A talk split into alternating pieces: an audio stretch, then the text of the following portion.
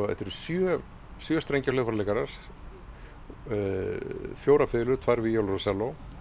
Svo er uh, óbóleikari sem spila líka á ennstótt og það er harpa. Og svo er pianotrjó, pianobass og trommur og svo saxofóði. Þetta er svona daldið óvinnlegt sambland. Er einhverja fyrirmyndi frá þessum tíma af þessari samsetningu? Ég kannast ekki við það, akkurat þetta. Þetta held ég að segja einhvers að þeir hljóta hafa pælt í kannski sérstaklega Norman Grant sem er að pljóta útgáðana og mögulega e, óbúleikarin Mitch Miller sem spilar í þessu og var svona útgáfu forkólfur og upptökustjóri líka sjálfur. Góður áherindur, verið hjertanlega velkomnir að hátalaranum. Hann hósta þessu sinni með sumarlegasta djastlægi allra tíma, Summertime úr óperu George Gershwin um Porgy og Bess. Það var Sigur Flósason sem lísti hljóðvara í þessari útgáfu allt og leikarans Charlie Parker á læginu en Sigurður ætlar að minnast Parkers með því að setja á svið jazzáttíðar ársins tónleika sem byggja á þessari einstöku plötu bíbopmeistarans góða sem hefði orðið 100 ára í ár ef hann hefði ekki látist 1955 aðeins 35 ára gammal. Við heyrum meira af spjallu okkar Sigurðar síðar í þættinum. Við heyrum líka í öðrum íslenskum alltáleikara, Hauki Gröndal sem fer með okkur yfir það hvernig ný jazzsvíta verður til en Frelsi Sveitins nýja Íslands frumflutur tónlist Hauks á jazzáttíðin í ár.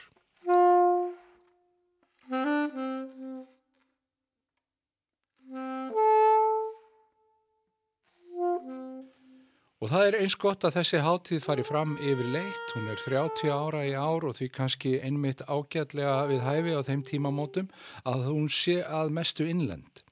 En fyrir 30 árum hófst einmitt jazzhátíð Reykjavíkur með samnorrænum útarfstjastögum í Reykjavík. Að venju verður heilmikið af nýri músik flutt á jazzáttíð og vegna ferðartakmarkana verður lítið sem ekkert frambóða verðlendu listafólki svo þetta er ágættistækjafæri fyrir okkur að ferðast innanlands í jazzlandinu bláa og reyfja upp kynni af okkar fína listafólki nú eða upplifa það í fyrsta sinn. Og eins og kemur fram í dagskrá hátíðarinnar á reykjavikjazz.is þá er þar að finna bæði gamalt og nýtt. Stundum kemur þetta saman í splunguníum útgáfum á eldri tónlist. Þeir Sölvi Kolbinsson og Magnús Tryggvason Eliasson alltaf einmitt að spila saman á jazzháttíðinni. Kanski eitthvað af plötunni sem er væntanlega frá þeim og hefur að geima útvarslur þeirra á lögum úr amerísku söngbókinni.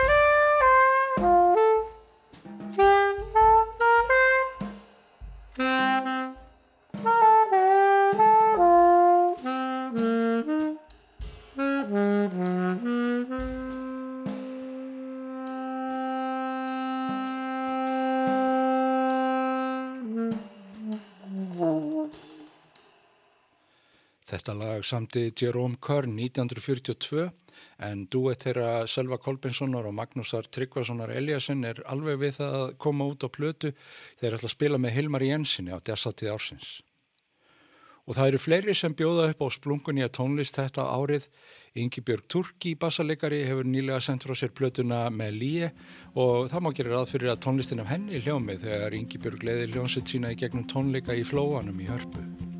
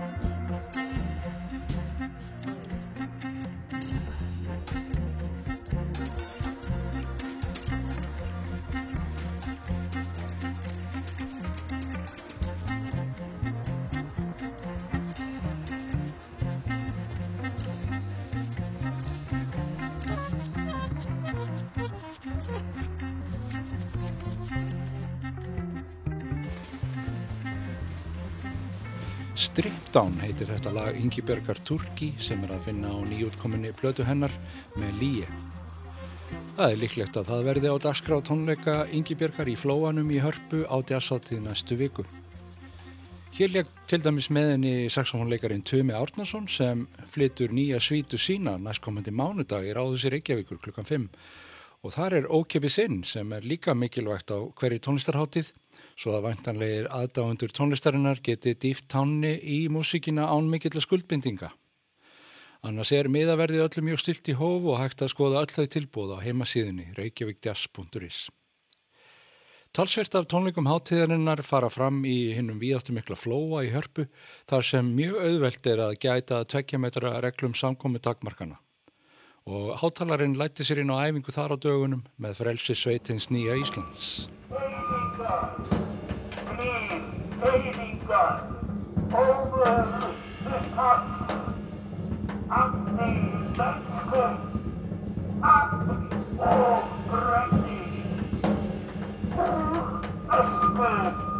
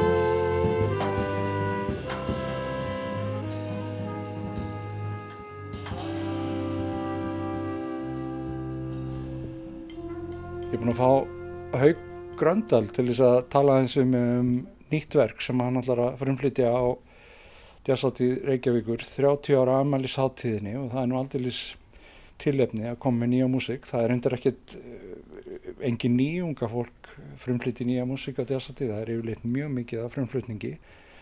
En það er nú oftast svona einhver lög, haugur, sko, akkur svíta. Ég hef bara alltaf haft svo gaman af þessum svona, já, hvað maður að segja þessu, þessu starra þessu aðeins stærri hugsun að fara með þetta á kannski meira dýpi allavega fyrir mig persónlega og búa til kannski heilstæða hugmynd sem er unnið út frá eins og er gert í þessu tilviki.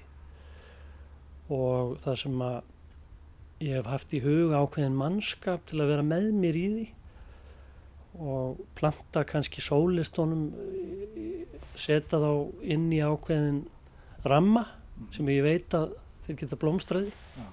og svo framvegs búa til úr þessu svona stærra ferðarlag heldur en bara kannski eitt lag eða eitthvað slíkt ja.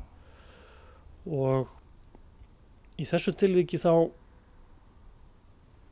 upphafið á þessu er, er það kannski að ég hérna, kynist Sverri Guðjónssoni í samband við hérna, verkefni sem við vorum með sem heitir Djáknin á Myrká sem við fluttum í hérna, og hefum list fyrir alla í fyrra. Og við förum að ræða svona undan og ofan um alls konar músík og,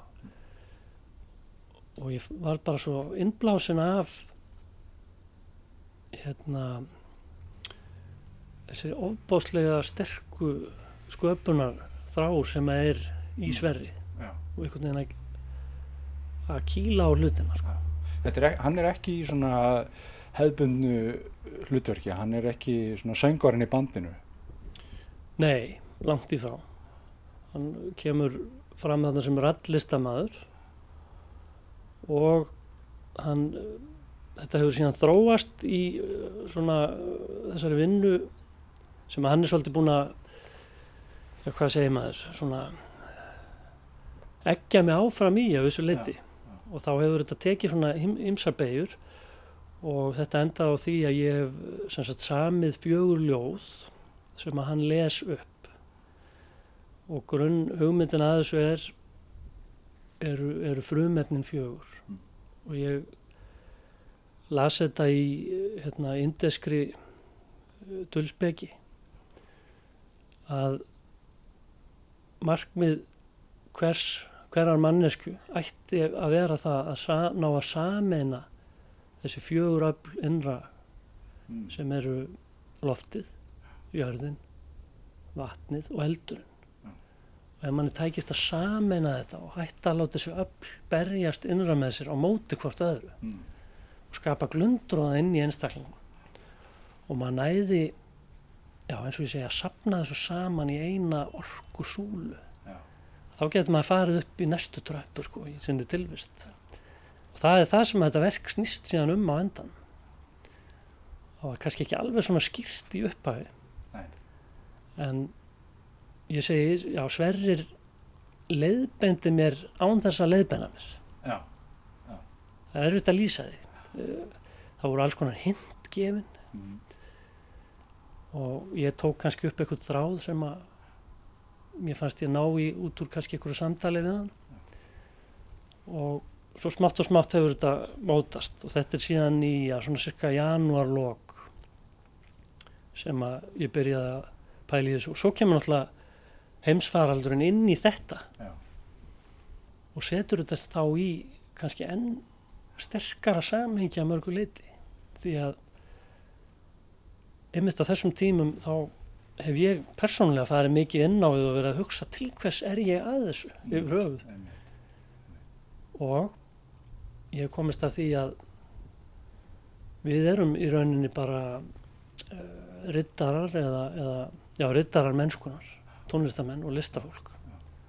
Og það er ekki hægt að drepa okkur. Við rýsum alltaf upp aftur Já. með ykkur hugmyndir. Við spörkum í hrægið sem að samfélagið oft er orðið og vekjum upp spurningar. Við komum kannski ekki með en bein svör við ykkurum efnahagslæðum en við komum með svör við af hverju við ættum að vera að þessu. Af því að við gerum það fyrir mennskuna. Og listin er eldsneiti mennskunar En þú talar um sko elementin, frum kraftana hvað, eh, hvernig nálgast þetta? Sko, ert að vinna með, með hvern kapla fyrir sig? Er eitthvað svona efni sem, eitthvað tónefni sem fylgir hverju elementi hvernig, sko, eða ert alltaf að hugsa um alla kurvuna, þessa eh, heildar orkusúlu eins og kallar hana? Hvernig, hvernig kemur þetta saman? Sko, ég tek eh, sagt hvert frumefni fyrir sig og það hefur kabla og það hefur líka ljóð sem að hefur ber í sér ákveðna hugsun. Um, en þetta er auðvitað myndlíking. Ef ég segi loft, þá, þá erum við að tala um kannski eitthvað órætt í tilverunni og við getum tekið utan á það. Og að sama skapi langaði mig ekki til að semja verk í þeim skilningi að ég væri að komponera eitthvað frá upphæðu til enda. Ég til dæmis fór í, ég fór allt í að sjá þetta fyrir mér þetta geti alveg eins fyrir klippimynd. Þannig ég gæti tekið hinn á þessa hluta og ég gróf upp einhver gömulstef sem ég endurskoðaði og lagaði og ég myndaði mér að ég væri með hérna stóran kanvas og ég gæti í rauninni bara klest Já. hinn og þessu upp á stregan um, Þannig að gæti þess vegna gæti við átt eftir að upplifa þetta í einhverju annari röð heldur en verður á þessum tónleikum til dæmis eða, eða allir kablanir í einu er það eitthvað? já það, það voru fann að tala saman fjóra hljómsveitir Já. og allt í gegnum gerfinu Já, já. algjörlega jú sko ég þetta með að hugsa í lögum Mm. uh, heillar mig persónulega ekki þannig að mér langar til þess að prófa að, að hugsa það sem að ég er að semja og setja saman á annan hátt Mm. sem að auðvita opnar á það að ég get tekið eitthvað af þeim stefjum sem eru þarna og endur aða þeim einhvern veginn öðruvísi saman setna ef ég myndi kjósa svo eða ef einhver annar myndi fá þá hugdættu þá væri það alveg Já. frjálst af, af, mi- af minni hálfu en við höldum svo áfram auðvitað þarna og fáum uh, jörðina og þar er ég að sjá fyrir mér einhverja festu eitthvað sem við getum alltaf horfið til. Það er að segja faðmur foldar sem að næri, skýlir og, og fóstrar okkur. En þessi festa hún getur oft verið hún er líka þetta áþreifanlega sem, að, sem margir eru uppteknar af. Að, það, að hluturinn er ekki einski svirði nema að sé að það þreif á hann Já. þá erum við að tala um einhvern veginn þessa efnislegu nálgun á lífið Já, það er að vera hægt að þreyfa á honum og verðleikjan. Já og það kannski það sem að eh, kannski það sem er verðmættast er eitthvað sem við sjáum ekki en svo höldum við áfram í þessari svítu og koma að vatninu og þá upplifi ég það sem eitthvað sem að ég geti til dæmis verið betri að vera vatn. Já. þannig ég flæði leiði sjálfum mér að flæða óhindrað í staðan fyrir að vera ofta að stoppa sjálfum mig af kannski út af efasemdum. Að ég sé að gera rétt eða ég hlust ekki á innsæðið þá var frábært að vera með emmitt hljóðfærileikara í hópnum sem að ég veit að keira á mjög sterku innsæði Mm. þegar kemur að því að spila. Það er Óskar Guðjónsson góður vinnur og, og frábær músikant og þá hef ég emmitt sett hann í það hlutverk að vera vatnið sem að Já. leysist upp Flæða. og flæðir Já. bara eitthvað því að það er þannig sem að maður verður að geta verið Já. og eins og í vatninu þá fór ég skoða aðeins til þess að koma mér að stað með það þá var ég að hlusta hans um Debussy og ég ætlaði nú að stela einhverju þaðan úr, ég held að sé piano inn að prelúton Mm. og kannski að ég tók einhver eina tónar eða láni ég vona að verði ekki reyður Já. en ég held að það er á þann hátt sett fram að það er ekki nokkulega átt að segja á því að inspirasjónu sé það Nei. því þegar uppi staðið þá verður þetta einhvern veginn bara eitthvað allt annað sko. en eldurinn þar fór ég aðeins í eh, Stravinski Mm. Mástu til með að hann var líka vinur okkar jazzarana, hann var samti komponeraði meðal annars fyrir hérna, það Benny Goodman, hann gerði Hermann. út í hörmar, já, alveg rétt, já, já, já. já. Ég man ég spilaði þetta eins og með sinfoníunni og, Já. mestari Sigur Snorrason held ég hafi leikið klarinettpartin. Já. Það var mjög stór skemmtilegt. Já. Þá einmitt glemdi ég að á fyrstu æfingunni var ég með 50 þetta þögn Já. og ég glemdi að, að telja hana þannig að ég held að ég hefði mist af lestinni strax. Já, það voru fyrstu æfinguna, það var rosalega það tók alveg úr mér allt confidence en ég náði því á streikarna á tónleikunum. Og akkurat svo minning um þetta sjokk þegar eitthvað fer í gang Já. það kemur svolítið fyrir í þessu þessum loka kaplaðana og eldurinn er eitthvað sem að torti mér eða getur reynsað á sama tíma. Við getum byrjuð upp á nýtt. Við erum búin að brenna eitthvað niður. En að samaskapi er eldurinn líka energið sem kemur þið fram úr rúminu á mótnana einmitt til þess að halda áfram að vinna að því að skapa eitthvað. En þú talar um sko að, að þú, þú ert með ákveðin mannskap í huga, þetta heitir nú frelsi sveit, en hvað er sko raun, mikið raunverulegt frelsi? Er þetta ekki, er þetta ekki einræði á endanum? Já, nú kemur upp um mig svo svakalegt kontrólrík það má enginn gera neitt um ég sko frelsissveit sko þetta er, þetta er jú band sem að var startað fyrir tíu árun síðan. Það var sennilega 2010 á vetrandjassátiðinni þá hugsun á bakvið það var á þeim tíma svo að ég tók verk einmitt eftir Óskar og útsetti þau. Og það var kannski svona gesture, hvað heitir það á íslensku? Svona, Já, svona, já bara ákveði framtak. já, fra, já framtak svona að, að segja ok, ég sem útsettir get alveg tekið eitthvað og útsetta eitthvað eftir einhvern annan og, og þá getum við séð hvað verður úr því. Sérstaklega inn í okkar geira þá eru menn svo miklu einirkjar Mhm. þú ert alltaf að reyna að gera allt í þessu. Komponera, spila miksa, taka upp. Þú veist, þú ert með svo mörg kaskeiði en þessu tilvíki langaði með til þess aðeins að skoða aðra möguleika í því. Og og þetta verkefni hefur síðan leiðið niðri síðan eftir hvað 2012 og við erum að taka þetta upp núna. Þetta er í rauninni bara einhver vakning hjá mér sem var í byrjun ársins þegar ég ákvaða að kvíla ákveðna hluti sem ég hef verið að vinna í og stíga aðeins inn í mér að skapandi umhverfið. Já. umhverfið eins og, eins og að byrja að semja eitthvað og skoða kannski þann mannskap sem ég er að vinna með og svo framvegis. Já, komast í frelsi til að skapa eitthvað En nú er, þetta er sko, tilefnið er, núna þessari hátíð er 30 ára amali og við erum nú nógu gamlir til þess að munana frá byrjun, því sem næst allavega. En hvað finnst þér um svona þróunina, bæði hér og bara í þessari músík, til dæmis á, á þessum tíma, á þessum 30 árum? Höfum við gengið götuna til góðus? Sko ég man þegar ég var, ég hef verið svona 16, 15, 16, 17 þá fór ég mikið á, á tónleika. Ég held að þetta hafi heiti Rúrek þá. Já. og ég man að ég fór ekkert um hann að sjá hérna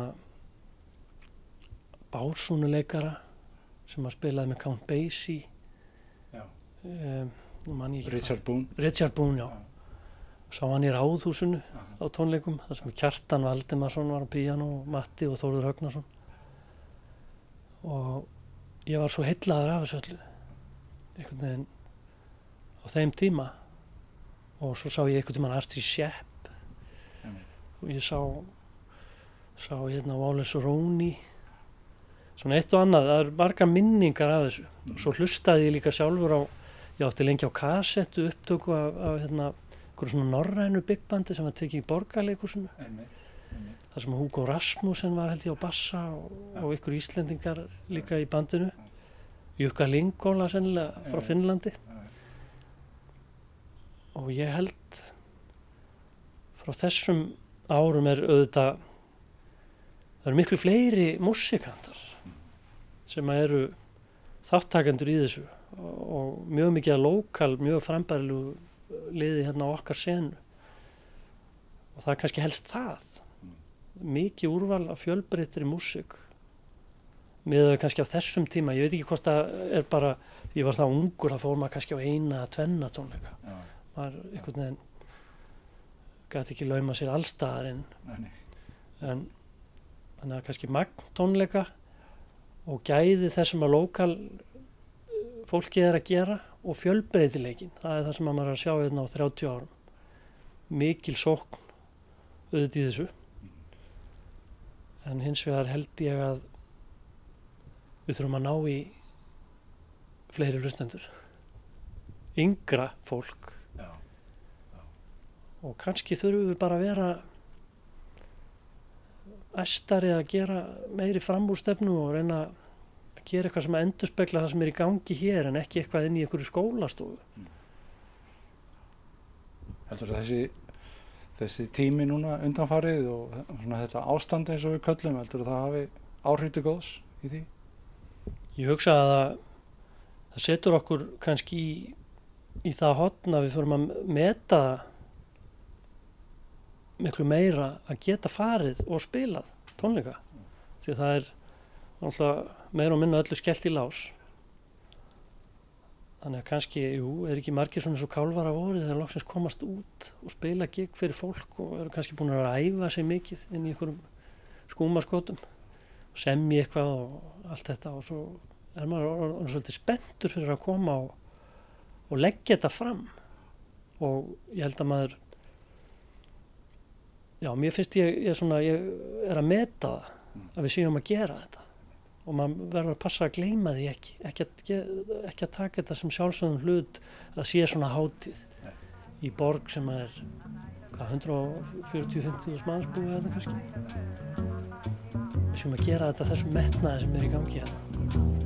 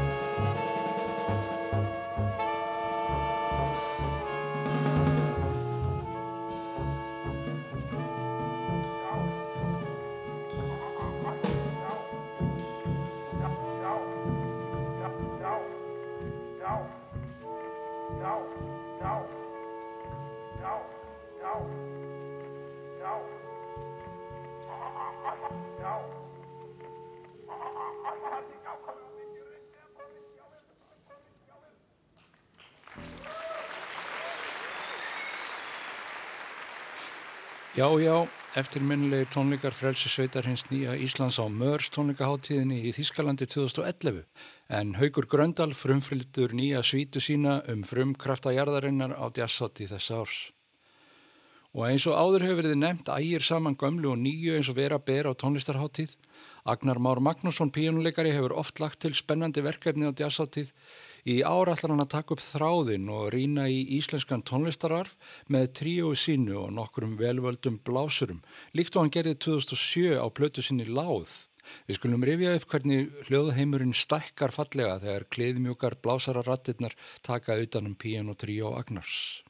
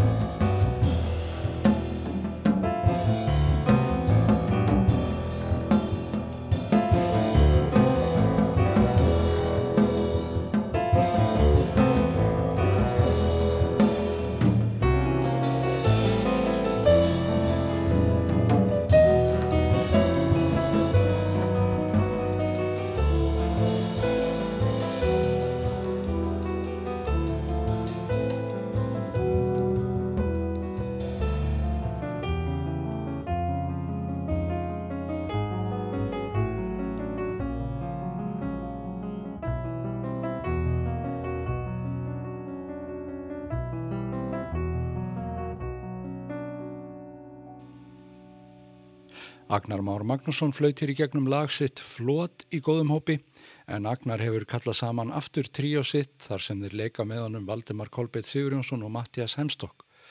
Og auk þess verða með í hópnum blásarar sem í þetta sinn verða eilítið brass þingri en á láðinu frá 2007. En aftur er ástæðið til að minna hlustendur á heimasíðu jazzáttíða Reykjavíkur, reykjavíkjazz.is og svo er ekki ólíklegt að eitthvað af háttíðinni ratiðin í dagskrára ásar eitt í kjölfarið.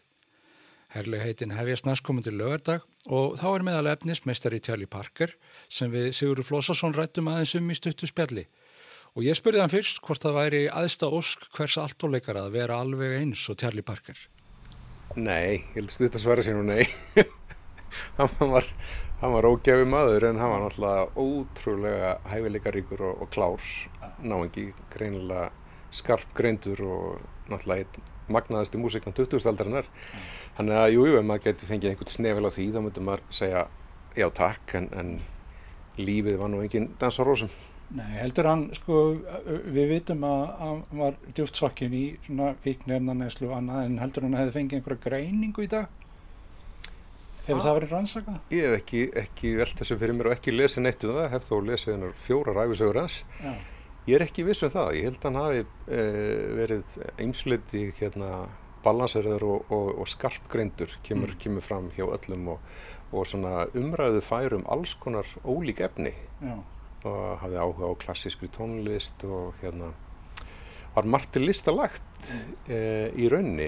Ja, slærum ekki eins og hann hefði endilega verið sko ofirkur eða, eða þunglindur eða með geðkvörf eða neitt svoleiðis nema þá sem kannski afleðing af eh, skjálfilegum lífstíl Já. sem inklúderaði náttúrulega eitulif og áfengi og óhóf í mat og hvernfólki mm. og öllu sem hægt var að hafa óhóf í. Já. En hvernig, hver var bakgrunnuna? Sko? Hvernig, úr hvernig umhverfi kom hann? Sko, kom hann úr mikillir fátækt eða hvernig var það? Kom frá Kansas City alveg upp af einstæðri móður sem að Uh, var ekki, ekki bláfátæk uh, átti nokkuð stort hús sem hún legði út öðrum fjölskyldum. Uh, en það má segja með Charlie Parker eins og Duke Ellington að hann var svona enga prins móðu sinnar. Mm. hann, hann, það var reyndið að gera allt fyrir hann sem var hægt Þannig að þetta er ekki svona viðbröðu við því að, að hafa lifið mikinn skort? Eða? Nei, ég held að hann hafi rauninni ekki, ekki gert það sko, ekki lifað neinu glæsilífi kannski sem barn en, mm. en svona fyrir þeldögt fólk inn í miðri Amríku þeim tíma þá held ég að það hafa nú verið svona alveg þokkalegt sko. Já, þetta er alveg mjög spes sko, hann pælir í því, hann býr til alla þessa frábæra músík en svo er allur lífstillin svona, alveg bursið frá eiturlifjónum sko, þá, þá er hann rosalega eigingjart sko, notfærið sér vinskap margra. Já, já, og kom ekki vel fram við allar þessar konur e, út í það færið sko. Skildi ekki við þær allar áður en hann tók saman við þær og, og hérna það er alls konar, alls konar ruggl, mikið ruggl. Þetta er náttúrulega samningurinn sem menn gera við djöfulinum að skara fram úr Hefur þetta ekki komið upp í hugan svona þetta vinna þetta verkefni? Ég maður gæti alveg sagt það, það hérna, ef einhver hefði gert það af allavega djastónlistamönnum 2000-aldarinnar þá, þá væri hann nú sannlega svo líklegast En hann hefði orðið 100 ári í ár og við erum enna pæli í honum mm. og ekki síst þið sem blásið í mm. samaröður og, og það allt en hvernig heldur hann verði hans verði minnst eftir önnur 100 ár heldur hann hangið ennþá inni? Ég myndi alltaf að gera það, eh, eins og náttúrulega bara stóra nöfnin í klassikri músík gera það um aldur og æfi. Eh, hann var bara svo, hann var svo langt á undan sinni samtíð eiginlega og er svo stór áhrifaldur í jazzsöguna að ég held að það mun ekki, ekki fenna yfir það. Nei. Þetta strengja dæmið, þetta nú svolítið, stingur svolítið í stúf við annað sem hann gerði, það er ekki mikið af þessu. Hver gerði útsetningar? Það eru tveir mismunandi útsettara sem að gera þetta uh, Joe Lippmann hitt annar, nú mann ég ekki í svipin hvað hinn hitt en svona uh, stúdíóskrýbendar einhvers konar uh, en þetta var parstur af hans löngun til þess að vinna með klassískun hljóðfræðleikurum og, og, og virðingans fyrir klassískun músík, hann var með reyfin af til dæmis Stravinsky og Prokofiev og, og hérna hlustaði á Bartók og var svona með puttan á þeim púlsitaldið og langaði í eitthvað svona samengi svo getur maður velt fyrir sér hvort að þetta hafi verið raugreitt niðurstað því þetta er svona má segja svolítið sigraðar útsetningar af vinsalum dægulögum og, og jazzstandardum mm. sem að voru gerðar þannig að það er engin svona móderni klassísk músik í því. Mm. en auðvitað mætast stílanir að eitthvað og þetta, þetta er gert uh, undir merkjum uh, útgáfu stjórnans uh, og upptökustjórnans Norman Grants sem var ræk vörf útgáfuna. Og hann var nú svona vanur að selja það sem hann gerði og var svona alltaf kommersialt hugsandi þannig. En hann, hans fyrsta hugsun þegar Parker byður um að fá að gera einhvað með strengjum er eflust að hann geti seltað einhvern veginn. Og það komi út úr þessu einhvað sem að að jazzfólk myndi kaupa og myndi kannski útvíka hlustenda hóp Parkers. Ég mynda mér að það sé einhvað svoleiði sem hafi verið, verið á bakvið þetta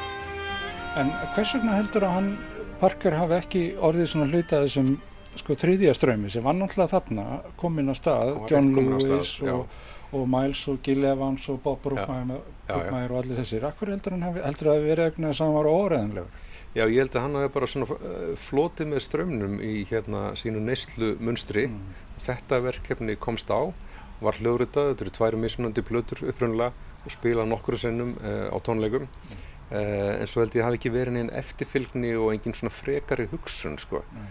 og svo missir hann uh, uh, skemmtarnarleifið í rauninni í New York og getur ekki komið fram á klúbonu þar og þá bara verið að fara frá einu stað til annars og, og reyna að hafa salt í gröðin og þetta bara lífið hafi oldið áfram svona alltaf stefnulegst einhvern veginn eins og gerist ja. oft þegar fólk er komið á þennan stað í lífin Já, Svo var það bara allt í hennu búið Svo var það búið heldur rætt, 35 ára gammal Já. Hann var sko fimm árum eldri heldur en jazzáttíðir núna. Já. Hugsaði það. Af því við munum nú báðir sko byrjun jazzáttíðar.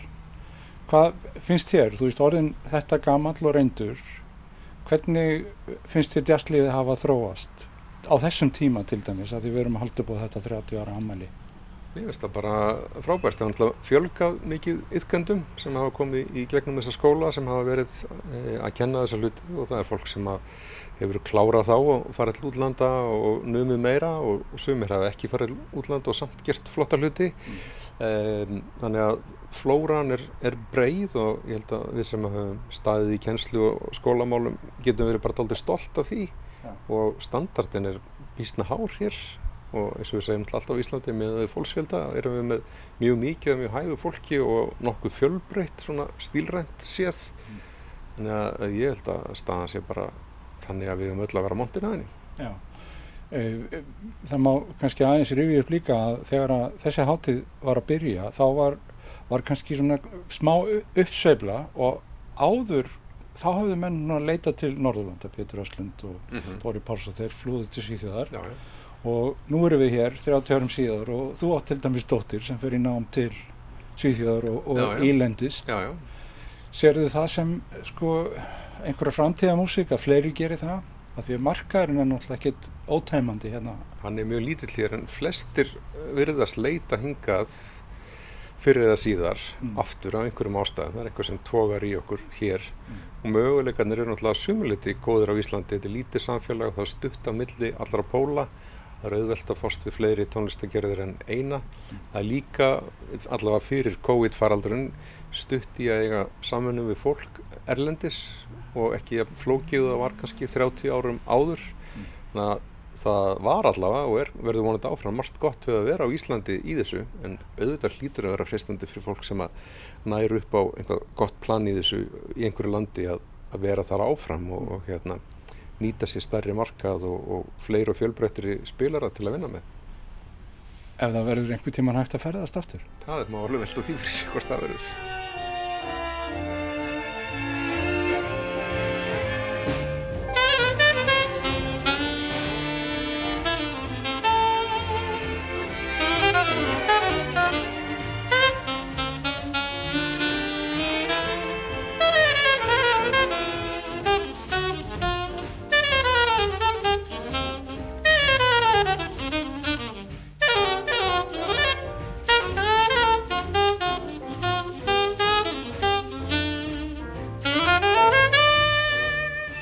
Charlie Parker að spila Easy to Love með strengjum og hörpu.